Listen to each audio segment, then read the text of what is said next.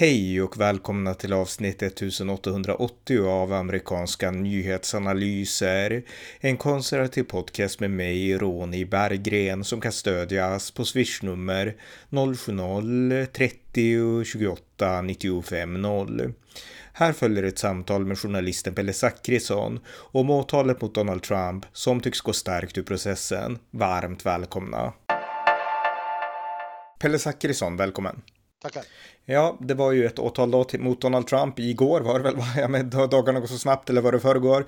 Men hur som helst, vi gjorde en podd om själva åtalet, att det skulle ske och det skedde. Trump han infann sig där i domstolen i Florida och det filmades ju inte där inne. Jag hängde inte med så bra, men jag tror inte att det gjorde det, eller hur? Nej, det gjorde inte det och eh, om jag har fattat det rätt så det var lite dividerande fram och tillbaka om de skulle ta någon eh, sån här mugshot eller inte. Jag tror att det landade i att man inte gjorde det på grund av säkerhetsrisk, att man ska inte ha sådana där bilder i systemen helt enkelt. Mm.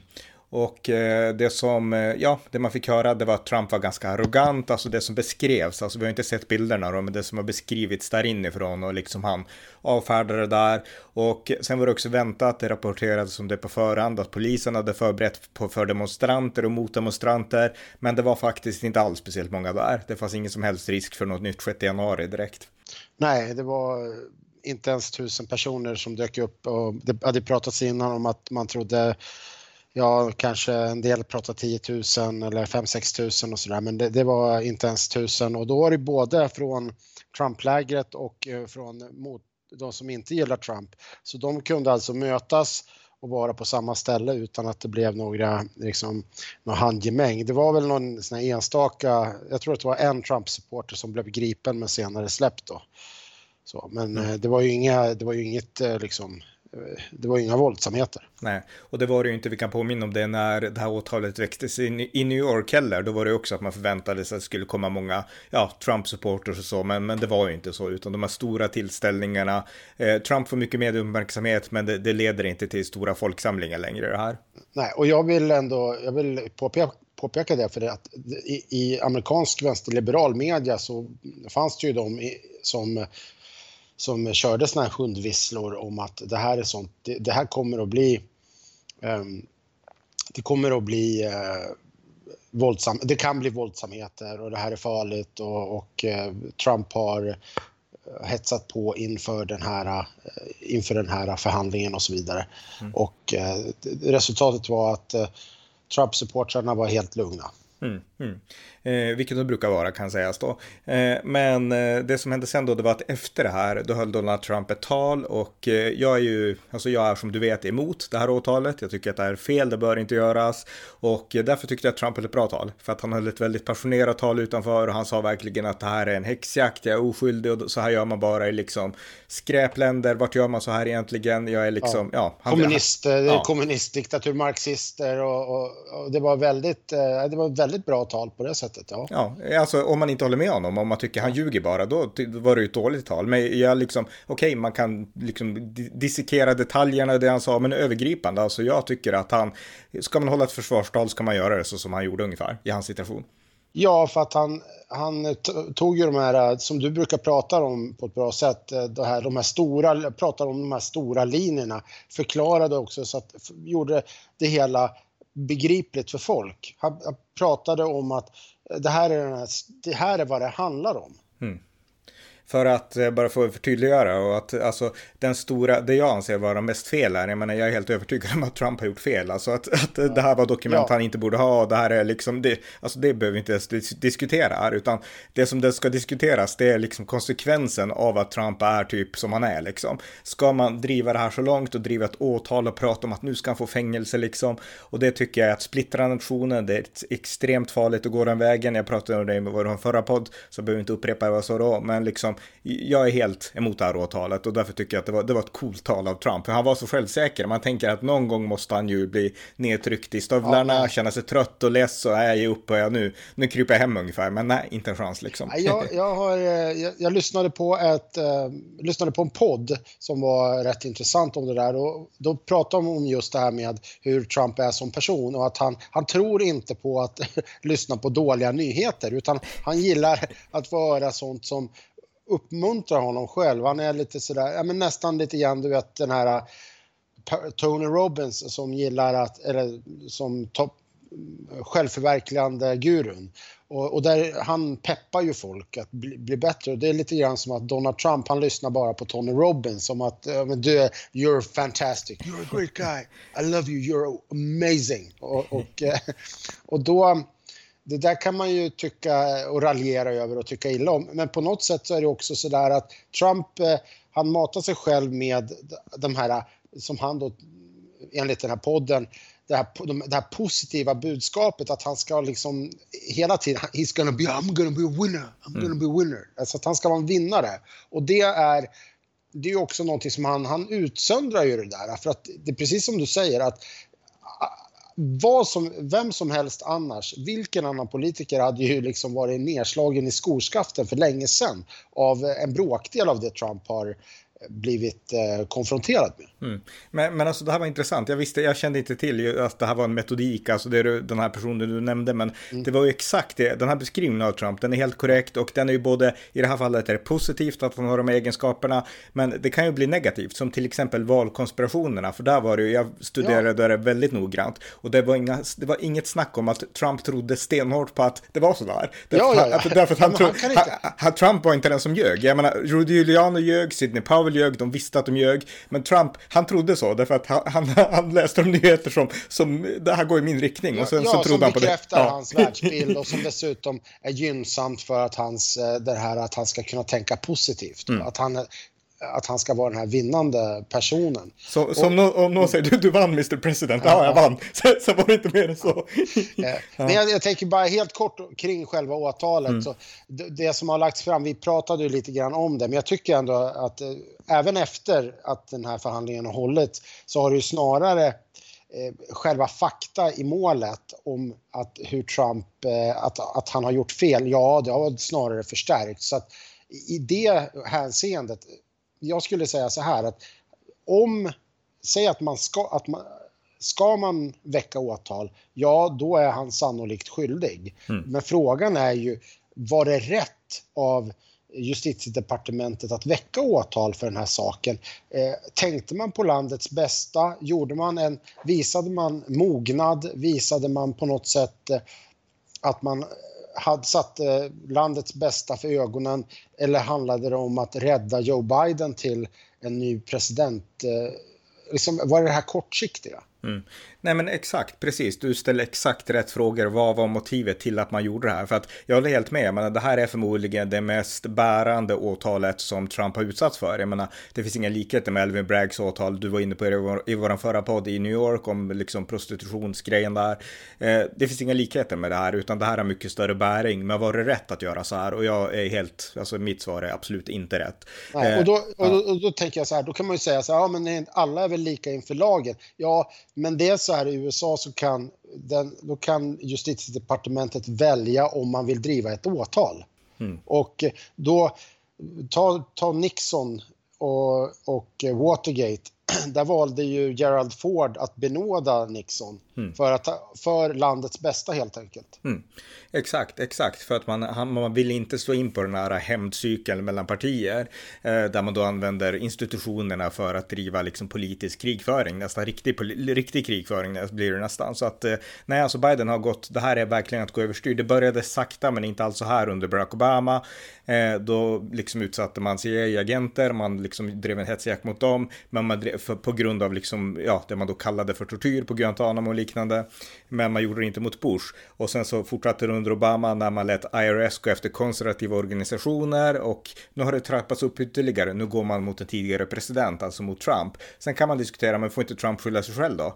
Eh, på grund av 6 januari, valkonspirationer och så. Ja, det skulle jag säga att det är en annan diskussion. Han får inte ja, skylla... Det, ja. ja. det är en annan diskussion och framförallt den, den här där får, får han inte skylla sig själv eller eh, är inte det här väldigt allvarligt? Jo, det är det och det är dessutom otroligt allvarligt att hålla på och låta en massa hemliga dokument ligga och drälla i Mar-a-Lago. Ja, men det är inte, det är ju en, det, det, att, om jag säger så här, det, kan, det kanske är så att man, någon borde så att säga nita Trump på något sätt eller sätta dit honom. Men det är inte rätt att göra det eh, via det juridiska systemet för att det skadar USA på sikt. Mm. För att det uppfattas som att det är demokraterna som ger sig på eh, republikanerna och så här, jag tänker om man är demokrat, eh, demokratisk politiker i USA, har man inte den framförhållningen att man tänker längre än nästa val och förstår man inte att ja, men om republikanerna vinner, kommer, de kommer ju naturligtvis också då bara känna så här att ja, eh, ja men vi ska börja, vi ska leta, lusläsa efter åtal eh, mot före detta demokratiska förtroendevalda. Mm. Och och det kommer ju, man kommer ju kunna hitta det. Ja, ja. ja jag menar, det är inget snack om att ta Trump-republikanerna som blir allt starkare i kongressen, Matt Gates och så här. Jag menar, det, de kommer göra det. Så att det, ja. Ja, men de har till och med fått, de har fått flera av de här kandidaterna de har fått uh, DeSantis, eller fått, men DeSantis har gått han är ju vuxen för fan, men DeSantis har gått ut och sagt att han ska städa upp i FBI. Och mm. det ju, finns indikationer på att det är otroligt politiserat, att det finns människor inom FBI som är ideologiskt eh, drivna. Men han har ju ställt ut löfte om att han ska göra det ena eller det andra. Eh, Mike Pence har lovat att han ska sparka eh, Christopher Wray som är FBI-chef mm. om han får bli vald till president, vilket han inte kommer bli såklart. Men, och det här, de här löftena, de hade de inte ställt ut om, det inte, om inte det här åtalet hade kommit. Nej, Nej alltså jag såg på om det var Laura Ingraham som sa att det här, vad Biden-administrationen gör, justitiedepartementet, och när de gör så här, det är att de undergräver allmänhetens förtroende för viktiga institutioner som FBI. Alltså när man politiserar på det här sättet, då vänder sig folket emot institutionerna, de tror på en djup stat och så vidare. Och det, det är skadligt för USA, sa hon. Och hon hade helt rätt där. Och jag tänkte också på Eh, alltså när det gäller presidentkandidaterna, i synnerhet, du nämnde Ron DeSantis, Mike Pence,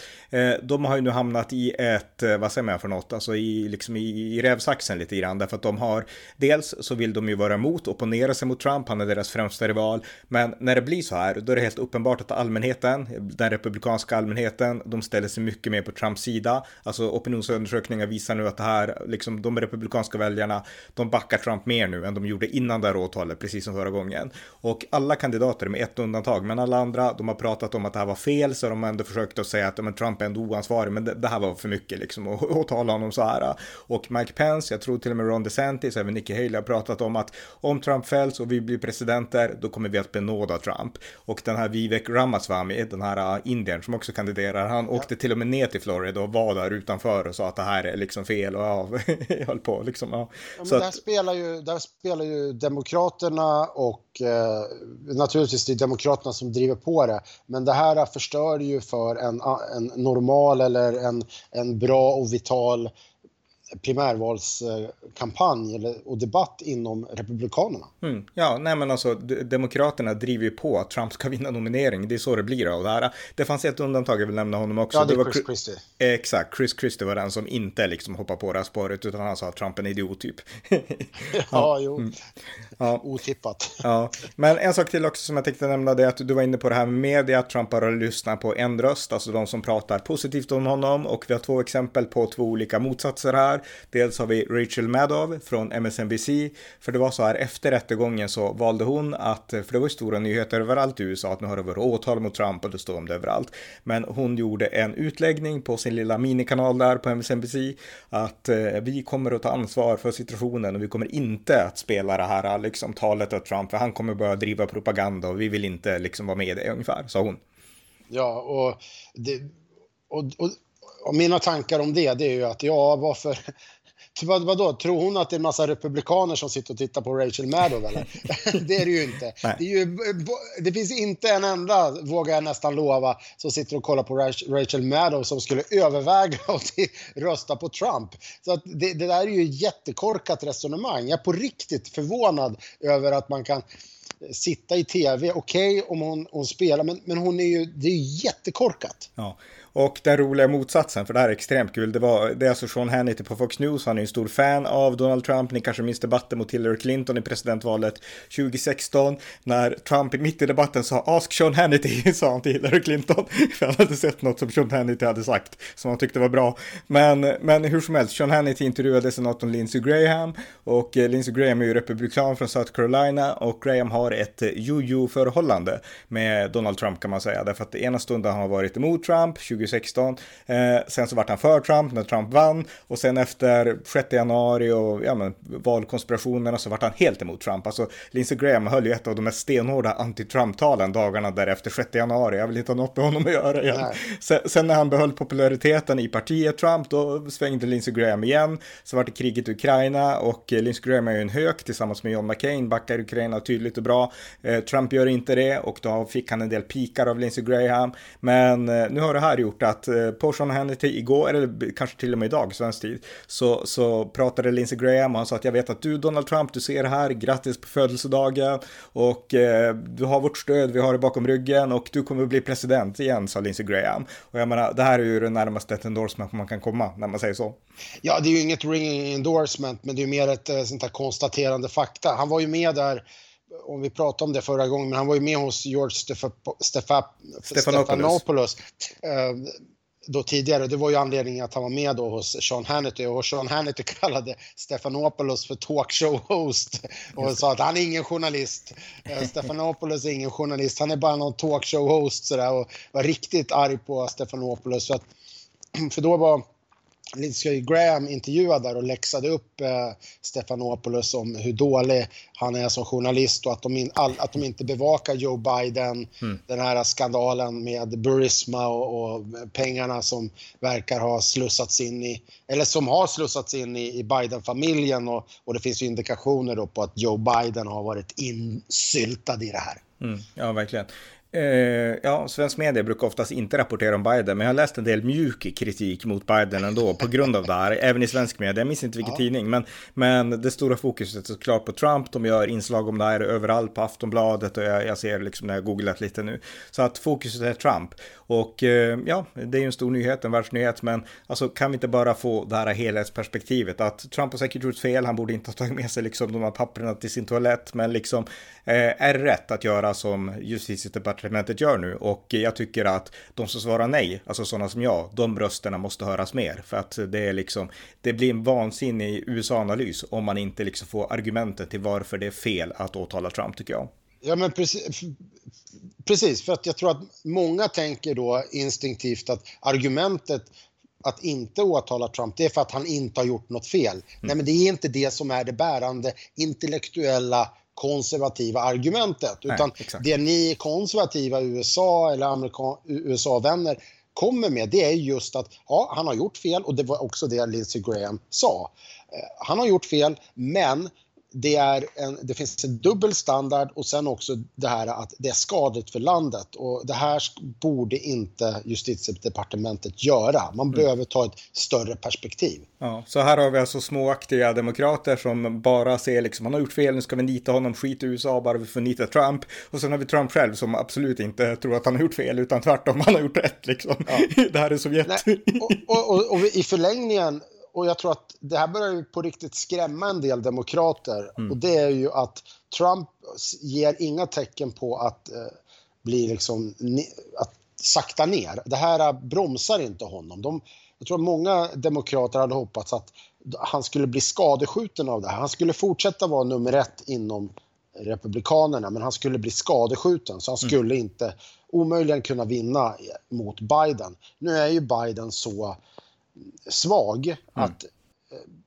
Trump har förmodligen en Alltså han är, han är inte favorit i mina ögon mot Biden, men han har en, han har en god chans. Ja, jag skulle och, säga det också. Ja, fortsätt, fortsätt. Mm. Ja, och, och sen har du ju... Eh, men, ja, och, och, det leder till att... Det finns ju en mardrömsscenario, det är att, att uh, Trump uh, faktiskt är dömd för brott och att han ska avtjäna fängelsestraff och eh, är president. Mm.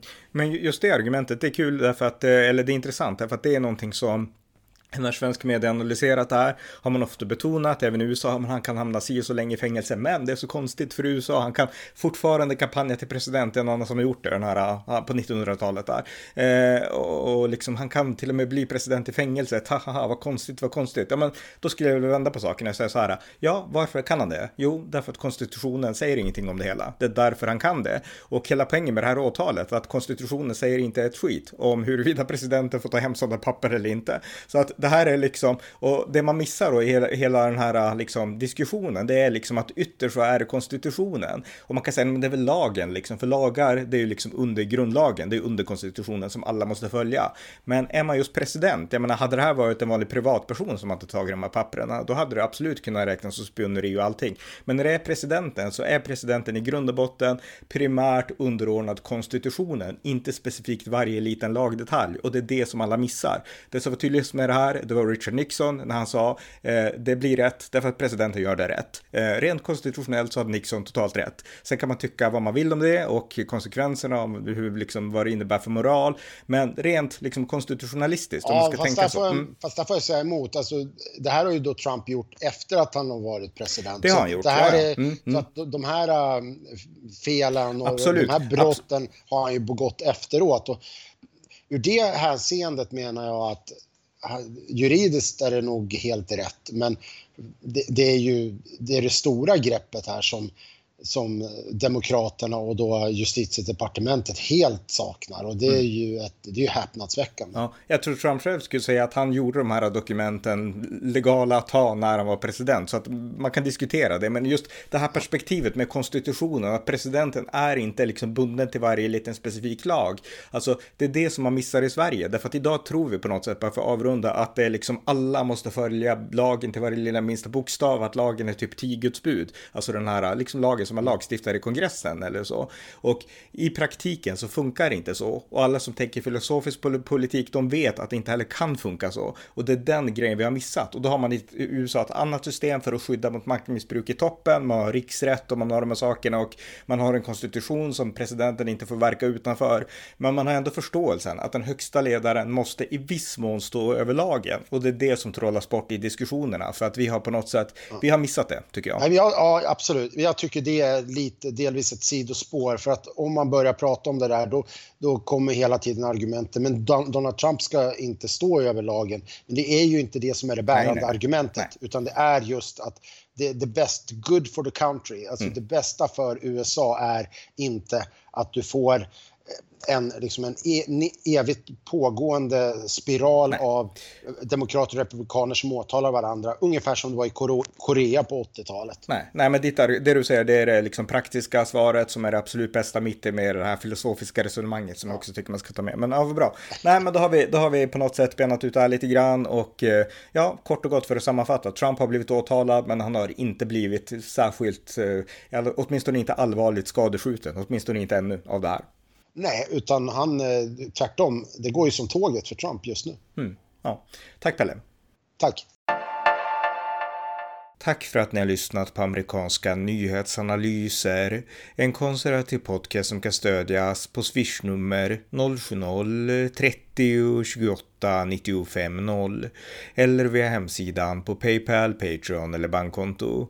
Skänk också gärna en slant till valfri Ukraina-hjälp. Vi hörs snart igen. Allt gott tills dess. Thank you.